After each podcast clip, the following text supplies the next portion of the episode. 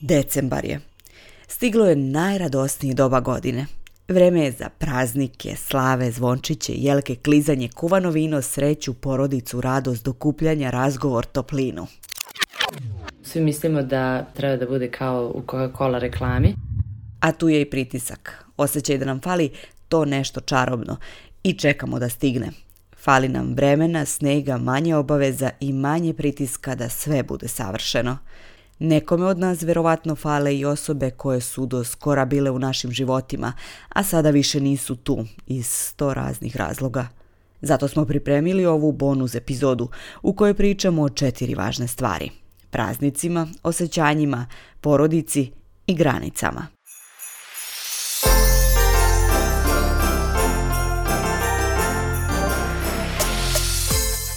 Slušate Umologiju, podcast u kom želimo da napravimo nove drajvere, putanje shvatanja i razmišljanja, poimanja sebe, svojih misli i emocija, ali i osoba i sveta oko nas. Da preispitujemo kako naša svakodnevnica utiče na dobrobit pojedinca. Da budemo dobro. Ja sam Aleksandra Bučko i u ovoj epizodi pričamo o važnim stvarima za ovo finalno doba godine – Nalazimo se u jednom specifičnom periodu gdje možemo da osjetimo to moranje da budemo sretni, raspoloženi i uzbuđeni zbog svega što nam predstoji. Možda se i osjećamo tako i to je super, a možda ta osjećanja nisu baš u skladu sa time što se očekuje, odnosno nekako podrazumeva u ovom periodu. Postoji xy razloga da se osjećamo i tako i to je u redu. Važno je da lociramo ta osjećanja i da vidimo zašto su ona tu. Malo ranije smo čuli od Sanje Ristić da često mislimo da sve mora da bude kao u Coca-Cola reklami. Sanja je trenerica asertivne komunikacije koja fokus svog rada stavlja na emocije i evo što je tačno pod time mislila. Prvi problem je to moranje da budemo srećni za praznike, zato što, mislim, u redu je i da ti ne prijaju i da si tužna, a ne srećna, mislim, sve je to sasvim normalno. I generalno smo nabili svi sebi tenziju zato što svi mislimo da porodica treba da bude kao u Coca-Cola reklami, a mislim to nije, to je prosto nemoguća stvar zato što sam koncept porodice ne znači Coca-Cola reklama, nego u porodici E, funkcionalnoj zdravoj porodici postoje i svađe i nesuglasice i sve ostalo. Mislim, to je zapravo poenta porodice. Naravno da ćemo se svađati ili da ćemo burno reagovati zato što smo tu najviše emotivno upleteni pošto su to ljudi koje najviše volimo. Znači, samo treba da se zamisli kao da sediš sa svojim roditeljima ili svojom porodicom, kako već, i da je svima sve kao ok. Svi su onako ravna crta, mislim na šta bi to ličilo.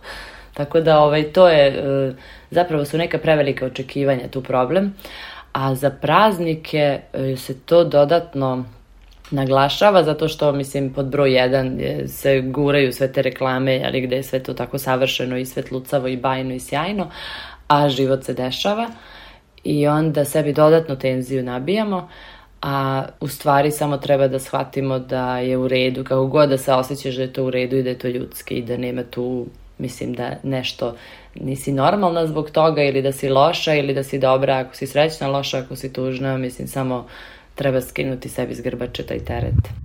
Pitala sam je da li može da podeli sa nama neku frazu, da je zapamtimo i izvučemo kako bi se podsjetili da sreća i sve praznično nisu zapravo moranje u ovom periodu. Ako baš o frazama pričamo, to može da bude samo nežno prema sebi, ali to jeste zapravo neka poenta da ti kako god da se osjećaš da shvatiš da je to mislim sasvim normalno i da je to ljudski i na primer suvišno očekivati da osjećamo sreću non stop. Ako si ti izgubila uh, jednog od roditelja i dešava se Nova godina i Božić i svi ti praznici, mislim stvarno bi bilo suludo da ti skačeš od sreće, a taj neko ti beskrajno nedostaje. Mislim prosto koncept sreće konstantne nije normalan niti je logičan. Mislim, I tako da je u tim situacijama više prihvatljivo da si tužan, ne tužna, nego srećna, jeli? Ali šta god da osjetiš nije ni važno, mislim, koja god da emocija u pitanju, prosto treba imati razumevanje za sebe i biti tu za sebe, A još jedna stvar je važna da se ne poistovjetimo s našom emocijom. Znači, mi nismo naša emocija. Mi smo mi, a emocija dođe i prođe. Znači, nije kao, nisam ja tužna osoba, ja sam osoba koja se pojavila tuga u datom momentu. I ona će proći. I onda će doći sreća, doći će razočare, doći će, pitaj Boga šta sve. Mislim, širok je spektar emocija. Ali je sve to ljudski i sve je to normalno. U decembru postoji još jedna stvar. Bilo da mi pripremamo gozbu, pa osjećamo pritisak da sve bude savršeno, ili idemo kao gosti na porodična slavlja. Pojedini odnosi unutar porodice mogu da budu nezgodni. Pa čak i njihova očekivanja od nas. Od toga koliko se neko ugojio ili smršao do pitanja kad će svadba, kad će deca, kad će diploma. A delimično smo o ovome pričali i u epizodi Kriza 20-ih. To je zapravo priča o granicama. Pa, kao prvo, ja nikad ne bi nikom preporučila ko nije dobar u postavljanju granica, da to počne baš sa porodicom. Mislim, zato što postavljati granice članovima porodice, to je neki, recimo, najzahtevniji deo zadatka. I definitivno ne treba početi od toga. znači, treba početi od nekih malo manje važnih stvari, kao što je, na primer, ne znam, razgovor sa lupam, konobarom, e, u banci. Te neke stvari i zauzimanje za sebe i postavljanje granica sa ljudima koji vam nisu najbliži. I onda to vremenom ide ali na veći i veći nivo, kao ne znam, sa prijateljima, sa familijom, sa porodicom, ali članovi porodice zapravo neka krajnja stvar. Psihološkinja Jasmina Stanković podelila je sa nama da u tom slučaju postavljanja granica u porodici treba mi sami da prepoznamo koja su naša očekivanja. Istorijski gledano svakome od nas najteže neko postavi granice u tim porodičnim odnosima kad su u pitanju te multigeneracijsko neko komuniciranje. Ja uvijek pitam klijente šta, koje je tvoje očekivanje? Jel? Koje je tvoje očekivanje, koji je odgovor koji je željeni? uglavnom jeste kako da to iskomuniciram da me ostave na miru, da se ne postavljaju ta pitanja. Pa eto tako. Jel? Prosto ovo što si sad izgovorio sve do jedne reči zvuči potpuno legitimno, prvo zvuči kao nešto na šta ti imaš potpuno pravo i zvuči kao nešto što kao tvoje pravo koje bi svako, bio tvoj roditelj ili prijatelj ili partner, trebalo da validira i trebalo bi da njemu bude takođe legitimno. Jasmina objašnjava još nešto što bi nam postavljanje granica olakšalo. Granice se postavljaju u par nivoa. U nekim od tih nivoa odgovornost je na nama. U ostalim je na toj drugoj osobi ili osobama.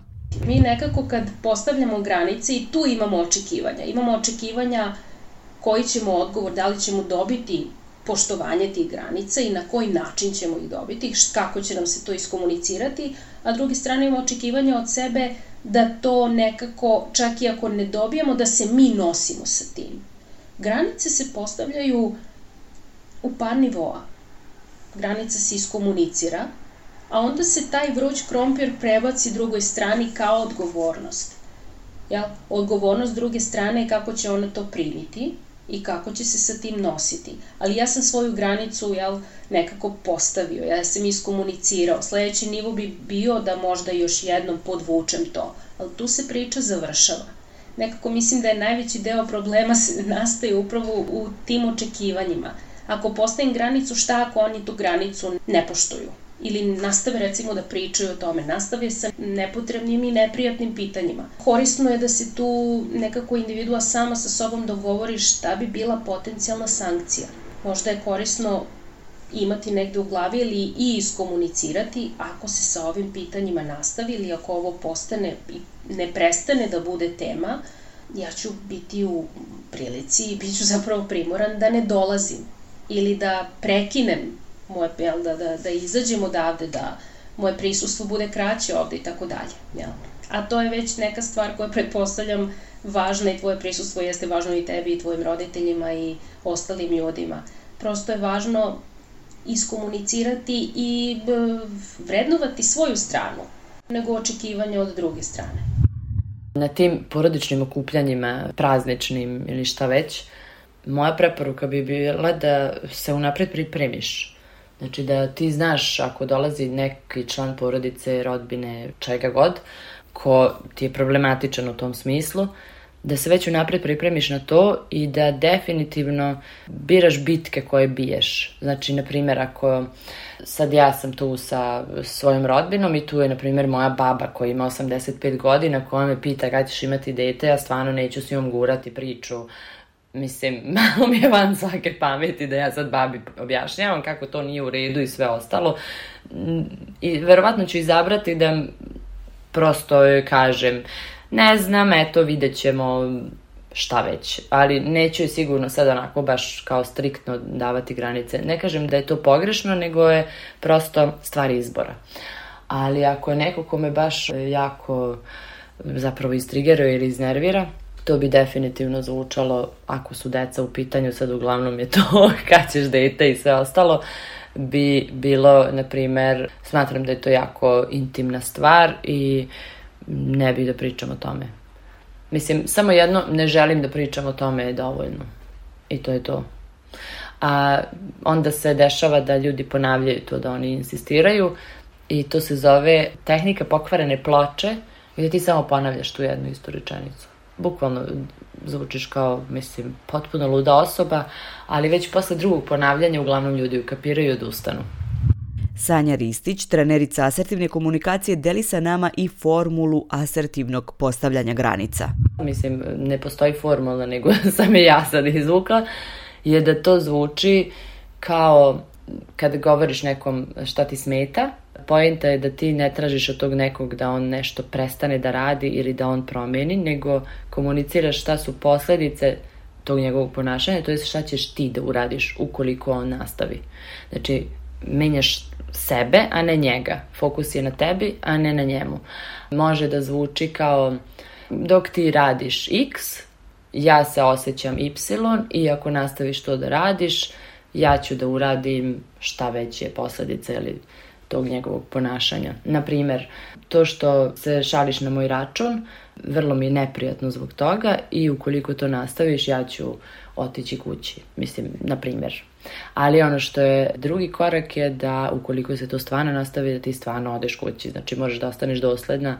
Doslednost je jako, jako važna u tome, zato što ukoliko ti ne ispoštuješ to što si rekla, niko te neće shvatiti i svi će ti gaziti granice. I još jedna stvar koju mi izbegavamo, što je zapravo problem ljudima dok postavljaju granice, je e, taj moment kad ti izgovoriš, onda kreće nelagoda. Nelagoda kod druge strane, nelagoda tvoja samim tim i onda počneš da se pravdaš, da pokušavaš da izvučeš situaciju, da nema veze, ajde, ne, nemoj da si sad, znaš, kao ljuta, nemoj, znači to je prosto deo paketa koji prihvatiš. Nelagodno je i sediš u toj nelagodnosti i što se više pravdaš, e, to je sve gore.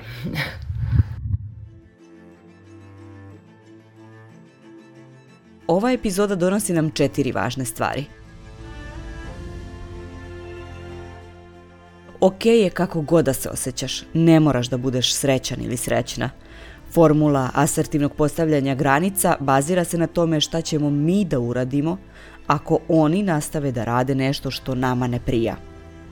Treće, zarista i uradimo to nešto ako pređu granicu i četvrto, moramo da izdržimo neprijatnost koju će sve to da proizvede.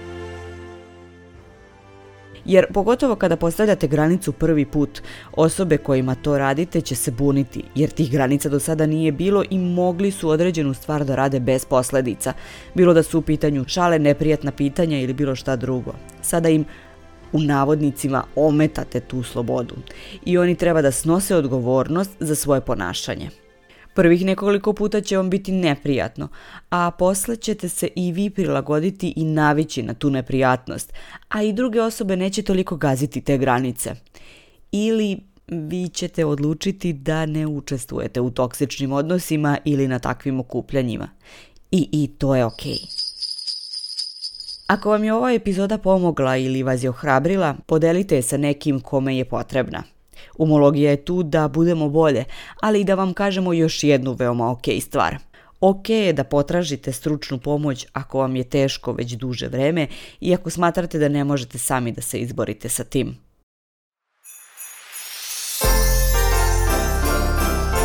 Slušali ste podcast Dumologija, podcast u kom želimo da napravimo nove drajvere, putanje shvatanja i razmišljanja, poimanja sebe, svojih misli i emocija, ali i osoba i sveta oko nas – Ovu epizodu su kreirali Sanja Đorđević, Nemanja Stevanović i Aleksandra Bučko.